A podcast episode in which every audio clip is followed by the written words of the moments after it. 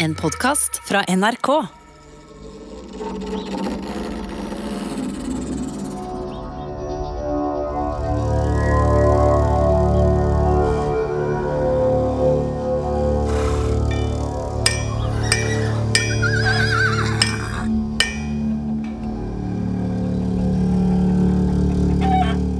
Året er 1038, sånn cirka.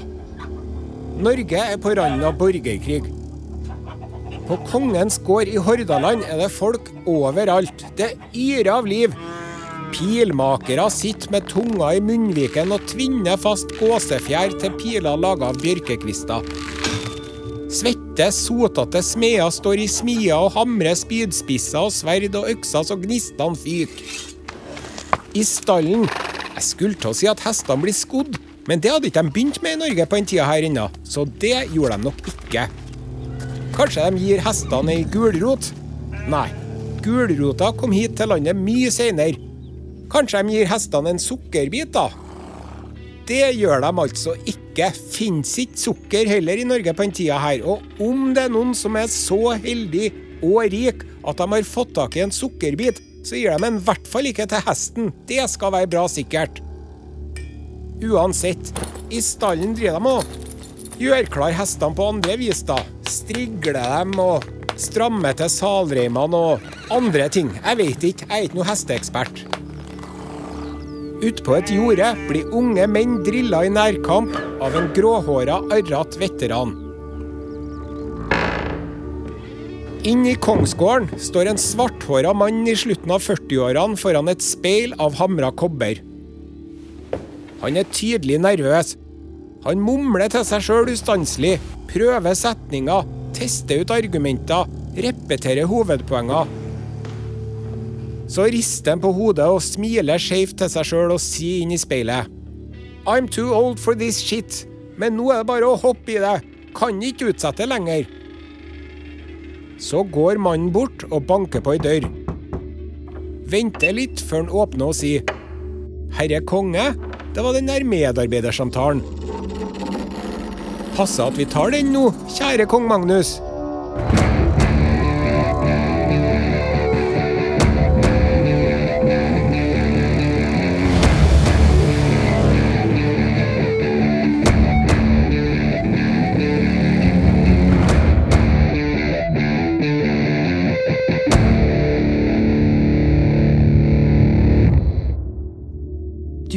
Hører Kongerekka med Are Sende Osen, sesong to. En podkastserie om de norske kongene. Episode én Magnus den gode. Kongen som trengte en medarbeidersamtale.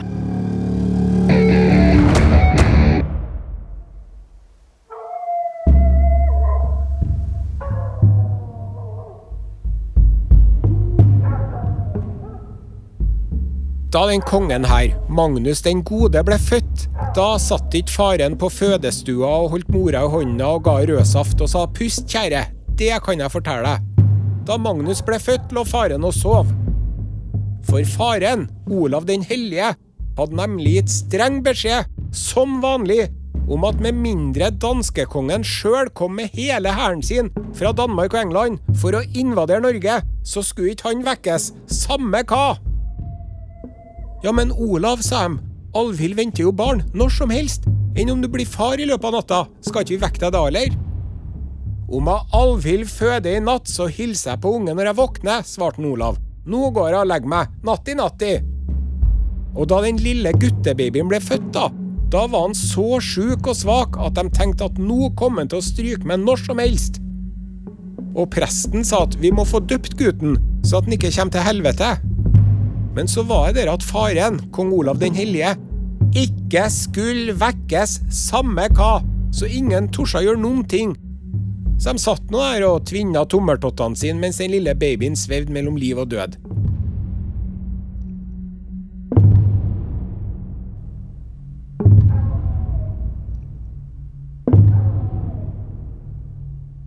Til slutt sa kongens nærmeste rådgiver og favorittskald, han Sigvat, Sigvat skal de kalte han, han Sigvat sa vi kaller gutten Magnus, jeg tar på meg ansvaret. Og så gjorde de det. og så døde ikke gutten lell. Heldigvis.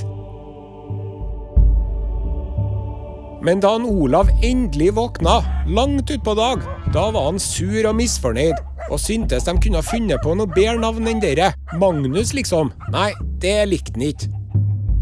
Da sa han Sigvat Skall. Det er nå din egen skyld, din forbanna tulling, som har nedlagt forbud mot å vekkes. Ganske underlig lederskap, hvis jeg kan få si det. Kan ikke være konge hvis den ikke klarer å stå på morgenen, vet du. Hva for noe primadonna-nikka er det her egentlig? Skjerp deg, din fjott! svarte Sigvat Skall da. Nei, det gjorde han jo ikke. For da hadde han jo sikkert fått kappa av seg hodet eller hendene, eller fått skåret ut tunga si, eller stukket ut øynene sine, eller noe. Så han Sigvat Skald, han sa Unnskyld, unnskyld, herre konge, det var ikke meninga. Jeg oppkalte gutten så godt jeg kunne, etter den gjeveste kongen som noen gang har levd på jorda. Den romerske keiseren og frankerkongen Karl den store. Han Karolus Magnus. Sorry hvis du syns det er dumt, altså, Olav. Og Olav den hellige mumla og grumla i skjegget, men så gikk han motvillig med på at det var kanskje ikke så galt lell, det navnevalget. Og så gikk nå han og spiste frokost.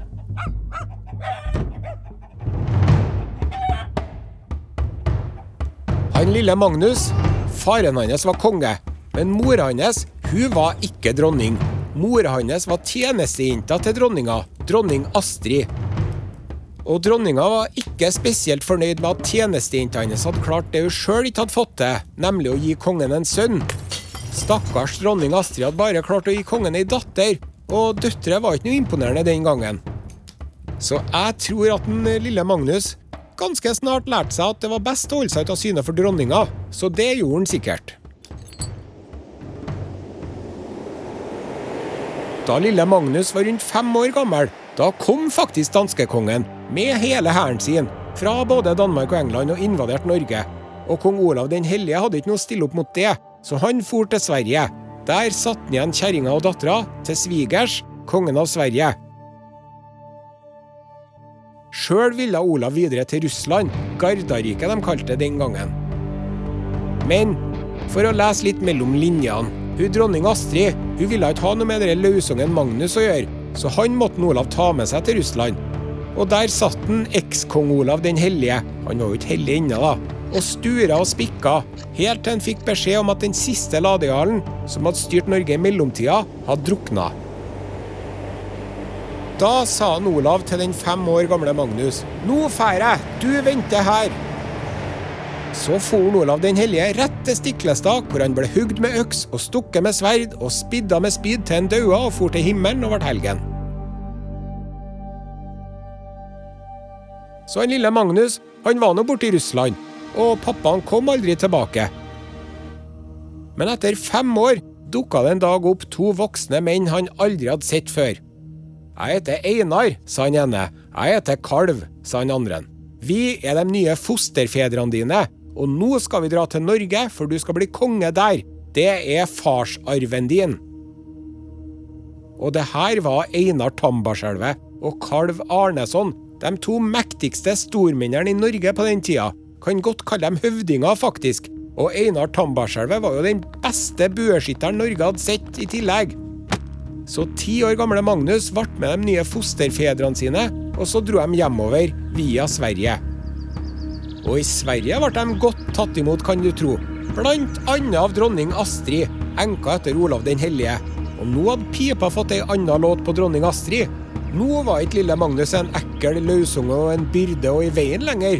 No, sir.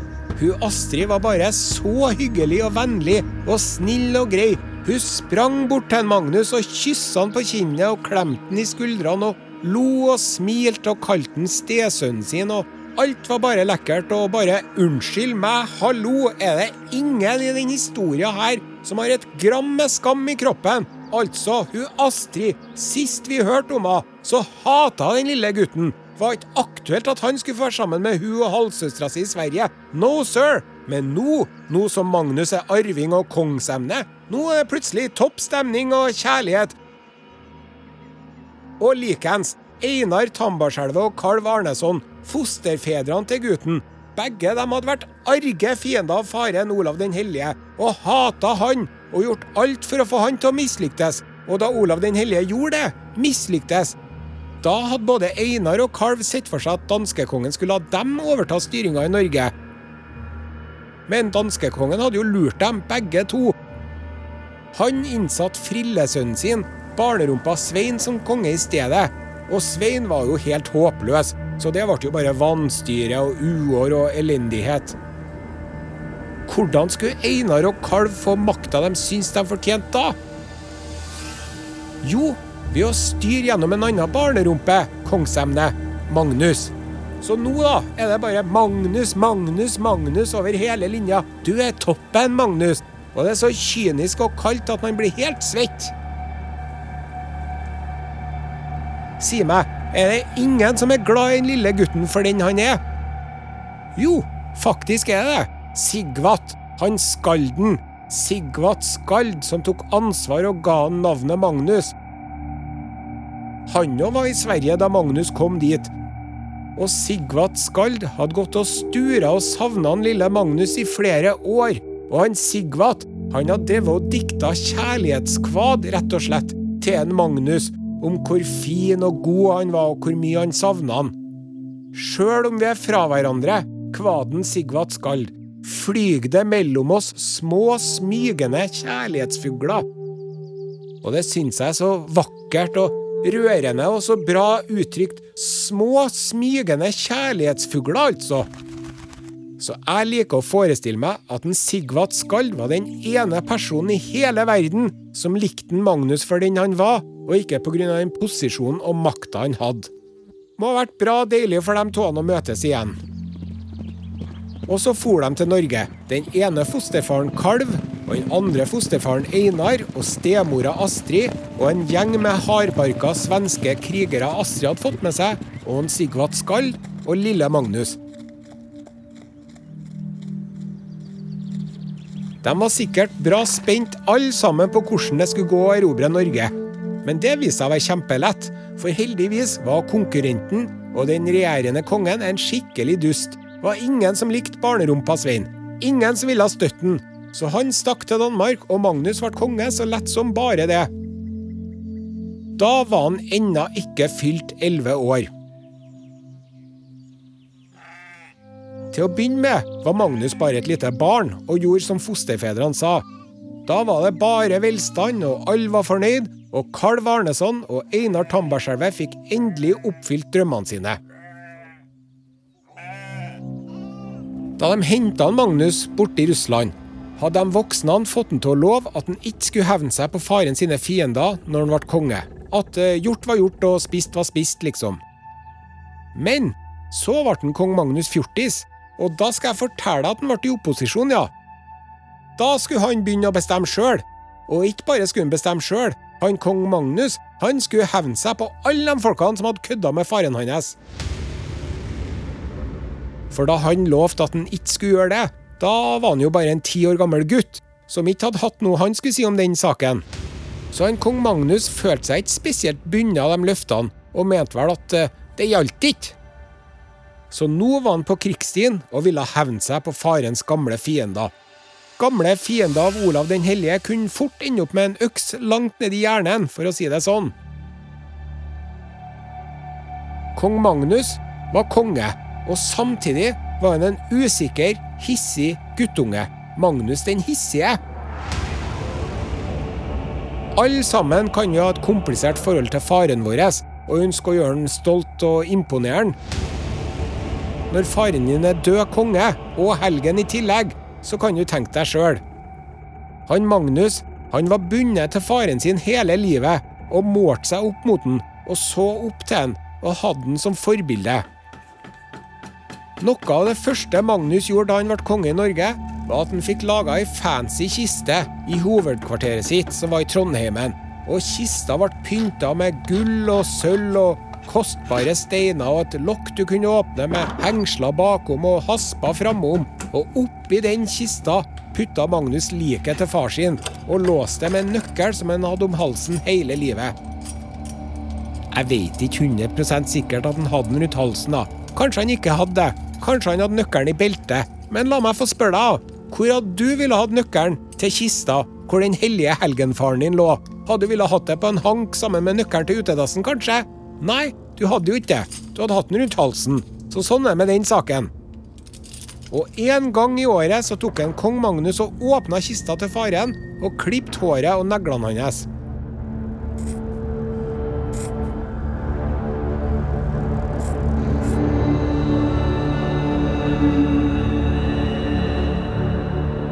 Jeg tror den lille kong Magnus var ensom, jeg.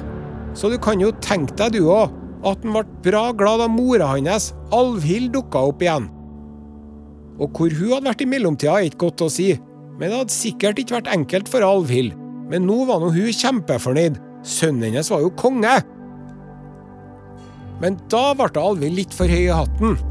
For hun ville sitte nærmest gutten sin når de spiste, og alltid ellers. Som seg hør og bør, spør du meg. Er jeg mora, eller er jeg mora, liksom? Men så har du den forbaska stemora, dronning Astrid. Hun aksepterte ikke at Alvhild plutselig skulle være like bra som hun. Så hun insisterte på at hun sjøl skulle sitte nærmest kong Magnus når de spiste, og alltid ellers. Og så dreiv hun og kalte Alvhild tjenestejenta si.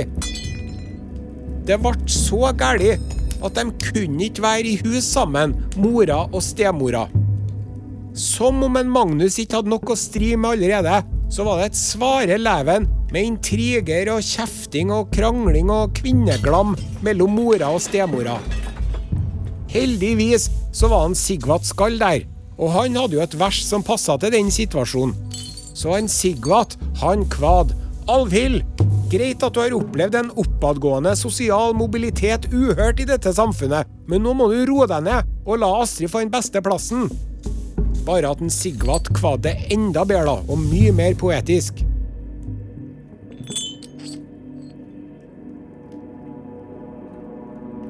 Da han lille Magnus begynte som konge i Norge, var det den ene av de to fosterfedrene hans som bestemte mest om styre og stell i landet, og det var stormannen Kalv Arneson. Men så var det det at han Kalv Arneson han hadde vært en av lederne av bondehæren som drepte Olav den hellige på Stiklestad. Og der var det en mann som het Kalv, som hadde gitt den Olav et siste avgjørende øksehugg i halsen og drept den. Og da er det jo nærliggende å gå ut ifra at det var fosterfaren Kalv. Men han kalv, han sa det var ikke meg, det. Det var en annen kalv. Det var ikke meg, kalv Arneson. Det var en kalv Arnfinnsson. Ja. Jeg syns den unnskyldninga der høres fishy ut. Og enten det nå var denne kalven eller en annen kalv som hadde gitt den Olav den hellige hans endelige coup de gras, nådestøt, så var nå denne kalven en av hovedpersonene på Stiklestad uansett. Og så var det noen som minte kong Magnus på det. Hvem da? Det vet vi ikke noe om, men jeg tipper at det var en Einar Tambarskjelve, den andre fosterfaren. Som beleilig nok hadde vært i England under slaget ved Stiklestad, så han hadde sittet på det tørre. Hvor var en kalv da far din ble drept? Hæ? Var det egentlig en annen kalv som hogg en i halsen? Syns jeg høres rart ut. Tror jeg at en Einar Tambarskjelve drev og hviska til kong Magnus. Ren spekulasjon fra min side, men i hvert fall. Det toppa seg på et gjestebud i Verdalen, ikke så langt fra Stiklestad. Og da hadde forholdet mellom kalv og kongen surna godt og grundig allerede. Og kongen var kort og tverr og sur mot en kalv. Og så sa han kong Magnus til Einar Tambarskjelve. I dag skal vi ri til Stiklestad. Jeg vil se hvordan det ser ut der, og om det er noe som vises etter slaget. Det er ikke vits at jeg blir med på det. Ta med deg en kalv i stedet, Magnus. Han kan sikkert fortelle et og annet om hva som foregikk, sa han Einar og flirte litt sånn heslig.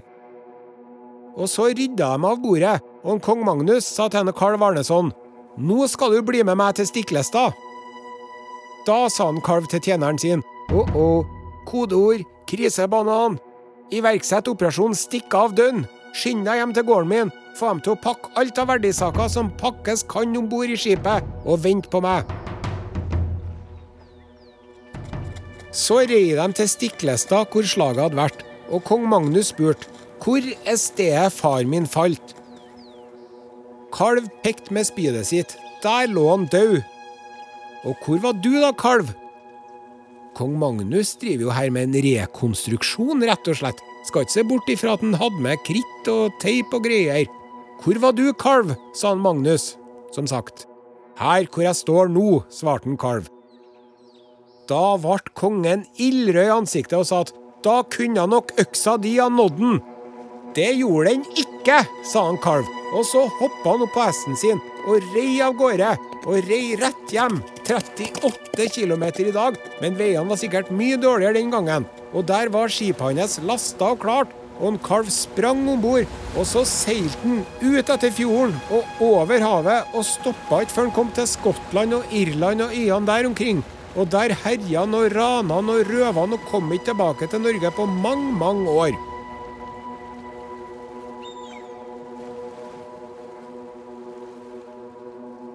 Etter at en kalv Arneson klokelig stakk, var det som om alle hemningene var borte for en kong Magnus, og nå begynte han å hevne seg på farens fiender for alvor.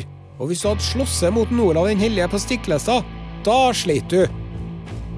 Kong Magnus konfiskerte gods og gårder, og jaga folk ut av landet, og hogg buskapen til folk, og det var nå hvis han var i godt humør. Hvis han var i dårlig humør, kunne han godt finne på å hogge av folk ei hånd eller to. Magnus den hissige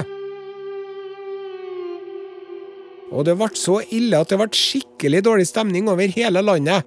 Folk drev og murra og likte ikke dette i det hele tatt. Det var verst rundt Sognefjorden. Sogningene samla folk, og de sa at hvis en kong Magnus kommer hit, da skal vi slåss med han.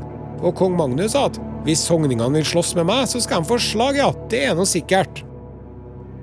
Da var han Magnus i Hordaland, og han begynte å samle folk, og satt smeder til å hamre sverd og økser og spyd, og satt pilmakerne sine til å lage piler, og i stallen gjorde de hva det enn er de driver og gjør med hester i stallene, for det vet jeg ikke.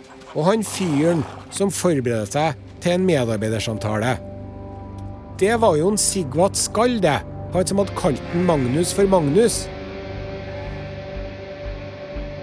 Kongens rådgivere hadde skjønt at noen måtte ta for seg kongen og snakke til ham og si at herre går ikke, du kan ikke oppføre deg sånn at folket gjør opprør.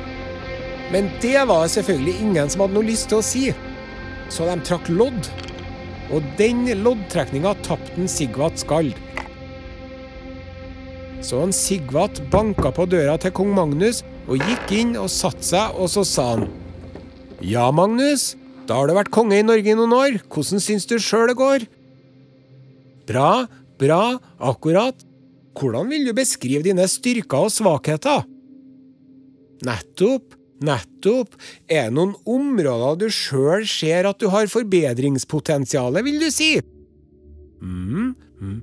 Hvis du skal rangere din egen sinnemestring på en skala fra én til ti, hvor én er dårligst og ti er best Nei, stopp, stopp, stopp, nå lyver jeg så det renner av meg. Det var ikke sånn det foregikk i det hele tatt.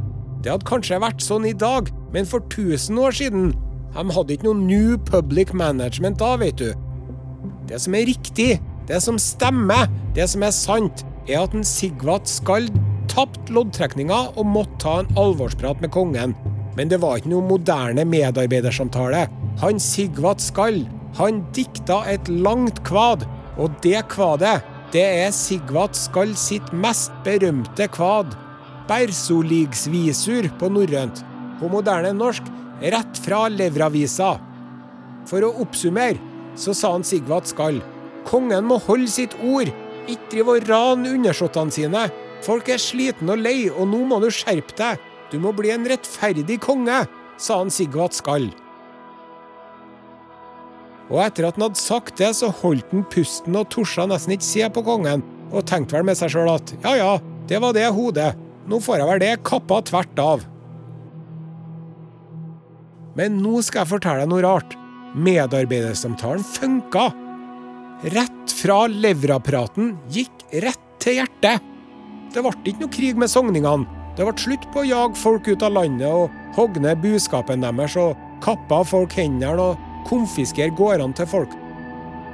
Han Magnus, han endra seg. Han ble en rettferdig konge.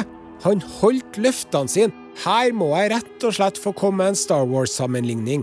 Han Magnus han var en jedi-ridder med så mye sinne i seg at han holdt på å bli helt Darth Vader. men så kom en Sigvat Yoda Skall og fortalte at 'anger leads to the dark side', og så funka det! Det var da Magnus den hissige fikk tilnavnet Magnus den gode. Og så kan man spørre seg, hvor forbaska god er man når man får tilnavnet Den gode bare for at man slutter å være slem? Kanskje et bedre tilnavn hadde vært Magnus den ikke-slemme? Men det lærte ikke like bra, så Magnus den gode.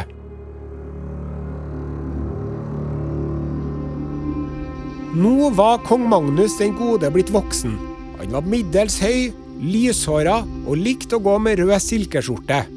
Og så tenkte han seg litt om og klødde seg litt i skjegget, og så sa han til folket Nå drar jeg til Danmark. Jeg er jo konge der òg, vet du. Og det var han faktisk.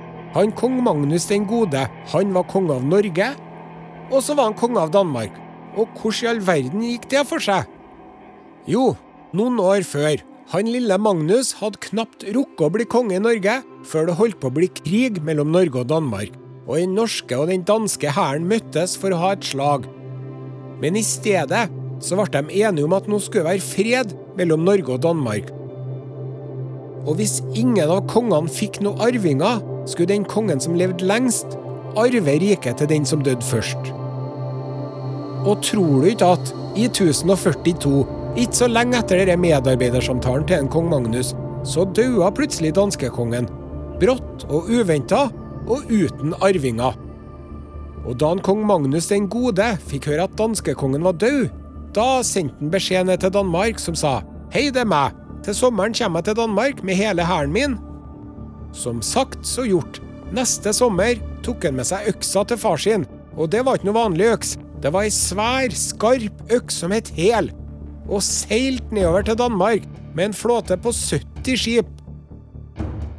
Forrest seilte Magnus sjøl, i et stort og flott skip han også av faren sin, og det skipet hadde et digert bisonhode foran.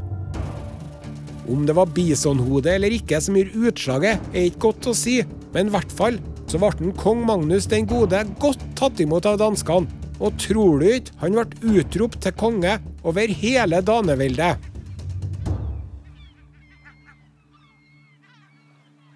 Det er helt spesielt at det er en norsk konge som styrer over Danmark. Det bruker jo å være omvendt. Om høsten dro han hjemover mot Norge, men tok seg en stopp i Sverige. Og der, der traff han kong Magnus på en artig og trivelig kar. En kar som het for Svein Estridsson. Han Svein, han var så utrolig vakker mann. Han var så stor og sterk, var ikke noe galt med en Svein Estridsson. Han var helt super. Og Svein og Magnus de hadde så mye felles. Begge to hadde hatt mektige fedre, og begge to hadde mista faren sin som liten. Hele tida hadde kong Magnus vært omgitt av gamle folk som hadde drevet og bestemt og styrt den og trukket i trådene hans. Kalv Arneson og Einar Tambarskjelva og Sigvat Skall. Og alle dem var så gamle at de glatt kunne vært faren hans. Men han Svein Estridsson, han Svein, han var noen år eldre enn Magnus, men ikke så mye eldre. Han kunne vært storebroren hans, og han var sånn en likende kar. Da Svein og Magnus traff hverandre, sa det bare klikk. Det var en ordentlig bromance. De ble bestiser. Og så var det en dag at en kong Magnus satt i høysetet, og det var mye folk rundt omkring. Og så sa han kong Magnus at nå må dere høre etter, alle sammen. Nå skal han Svein Estridsson bli jarlen min og styre Danmark for meg. Da smeller det fra Einar Tambarskjelvet. For stor jarl, for stor jarl, fostersønn. Og med det så mente han at en Svein fikk altfor mye makt, og at dette var en dårlig idé. Og da ble en kong Magnus skikkelig sur, og så sa han at Du tror ikke jeg skjønner noen ting, men det gjør jeg, og det er jeg som bestemmer. Og det ble noe som en kong Magnus ville. Magnus den gode fant fram et sverd som han festa til beltet til Svein, og en hjelm som han satte på hodet hans, og et skjold som han festa på skuldra. Og så ble han Svein jarl over hele Danmark. Og en Svein jarl lovte fagre løfter og eder og troskap til kong Magnus den gode. Alt mens Neinar Tambarskjelvet sto og så på og skar tenner og mumla i skjegget at herre går aldri bra. Men det gjorde det. Da våren kom, for de to sammen med en stor hær til den legendariske Jomsborgen i Polentraktene et sted. Det var hovedkvarteret til røverbanden Jomsvikingene, som hadde vært mektige krigere i Skandinavia i flere hundre år. Og kong Magnus og dem vant borgen og drepte alle folkene de kom over, og brant byen og herja vidt omkring i bygdene rundt. Og med det så var jomsvikingene historie. Bra jobba, kong Magnus! Og idet Jomsborg brant, så satt en Håkon Jarl i et jubelskrik borti Valhall. Akkurat samtidig som Olav Tryggvason sa halleluja oppe i paradis. For dere forbaska jomsvikingene hadde laga mye trøbbel og bråk for begge dem. Og kong Magnus den gode og Svein Jarl koste seg fælt sammen. Og så dro han kong Magnus hjem til Norge. Men den vinteren erklærte Svein Estridsson at nå ville han ikke være jarl lenger. Nå var han konge i Danmark, kong Svein. Og Magnus var ikke konge i Danmark lenger, sa han Svein. Og altså Det var noe bra dårlig gjort. Og jeg håper ikke at en Einar Tambarskjelve gikk rundt og hviska til dem som ville høre det. Hva var det jeg sa? For stor jarl, sa jeg. For stor jarl. Hadde jeg rett, eller? Hæ? Hadde jeg rett, eller tok jeg feil? Men jeg tror at en kong Magnus så i blikket til en Einar Tambarskjelve at en Einar tenkte. Og så var det jo en forbanna nedtur for en kong Magnus, sant? For det som er greia, er jo at hele livet gjennom så hadde folk brukt en Magnus for å få makt og posisjon. Og så fant han seg endelig en kompis, en sjelevenn, en amigo. Men nei. Svein var akkurat samme ulla som alle de andre. Men han kong Magnus den gode, han lot seg ikke knekke. Han sa vi skal nå se på hvem som er konge i Danmark, og treiv øksa hel og samla sammen en hær og for dit. Og da Svein hørte at en kong Magnus var på vei, da stakk nå han av gårde. Og for til Sverige og gjemte seg langt inni de svenske skogene, og der satt han. Og nå starta en katt og mus-leik mellom Svein og kong Magnus som foregikk i flere år. Som gikk ut på at om sommeren dro kong Magnus med hæren sin til Danmark og jaga Svein på skogen i Sverige. Og så, om vinteren, for kong Magnus tilbake til Norge, og da kom en Svein tilbake til Danmark. Og så kjempa de noen slag innimellom, og kong Magnus den gode vant hver gang, sjøl om han ofte hadde mye færre menn. Han Svein, jeg må bare si det, smart og morsom og klok og skikkelig sleiping, som svikta vennen og kongen sin, ja vel. Men spesielt god til å vinne slag, det var han ikke. Det han var god til, det var å stikke av. Kong Magnus fortsatte å kalle Svein jarlen sin så lenge han levde. Men jeg tror at han mista litt troa på menneskeheten. For han ordna seg ikke noen nye bestevenner, for å si det sånn. Men han var god og raus med hirden og krigerne sine, og hvis en kong Magnus fikk tak i noe gull eller verdisaker, så ga han det til mennene sine. Han var så gavmild at de kalte han for Gullhateren. Etter hvert fant en kong Magnus den gode ut at OK, nå er jeg konge av Norge og Danmark, og det er vel og bra, det, men jeg vil være konge av England òg. For teknisk sett, og hvis man viser litt godvilje, så var kanskje England også med i den avtalen han Magnus hadde gjort den gangen han var liten gutt, og som gjorde at han fikk Danmark. Kong Magnus mente nå det, i hvert fall. For danskekongen hadde også vært konge i England på den tida. Så kong Magnus den gode sendte et brev til kongen av England. Ja, et brev, og sa det, at England er mitt. Og jeg vil at du skal gi det til meg, og hvis jeg ikke får det, så kommer jeg og tar det. Og den engelske kongen, han sendte et brev tilbake hvor han sa at nja, jeg er ikke helt enig i det. England er ikke ditt, det er mitt. Og hvis du vil ha det, så får du komme og hente det. Underlig brevveksling, men kong Magnus dro nå aldri for å hente England. Det ble det ikke noe av. For han Magnus den gode, han daua. Plutselig døde han, gitt. Rundt 23 år gammel. I all verden, hva døde han av, da? Ja, det er ikke godt å si. Ifølge Snorre ble han sjuk og døde, men danske og engelske kilder sier at han plumpa ut i sjøen fra en landgang da han skulle gå om bord i båten sin, og da de fikk fiska han opp av vannet, så var han død. Hvordan han nå enn døde, død var han. Og det var jo ikke meninga. Men sånn er det av og til. Ting går ikke etter planen.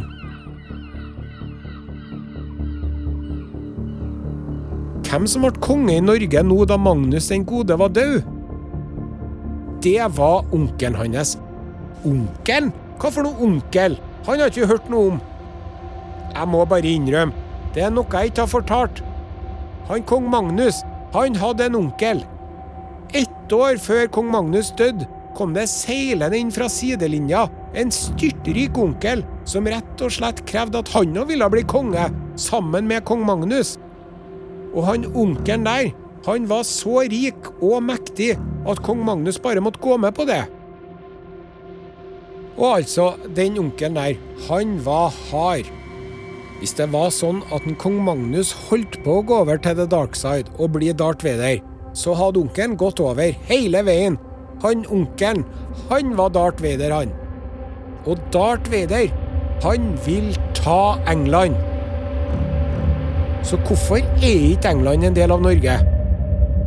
For det var ganske nære på. Skal jeg fortelle deg?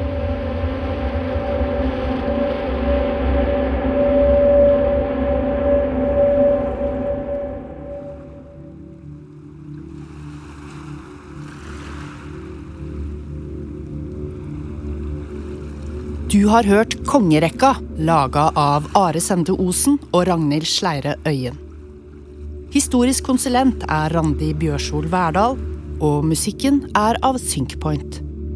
Neste episode handler om Harald Hardråde. Kongen som brøyt alle spilleregler.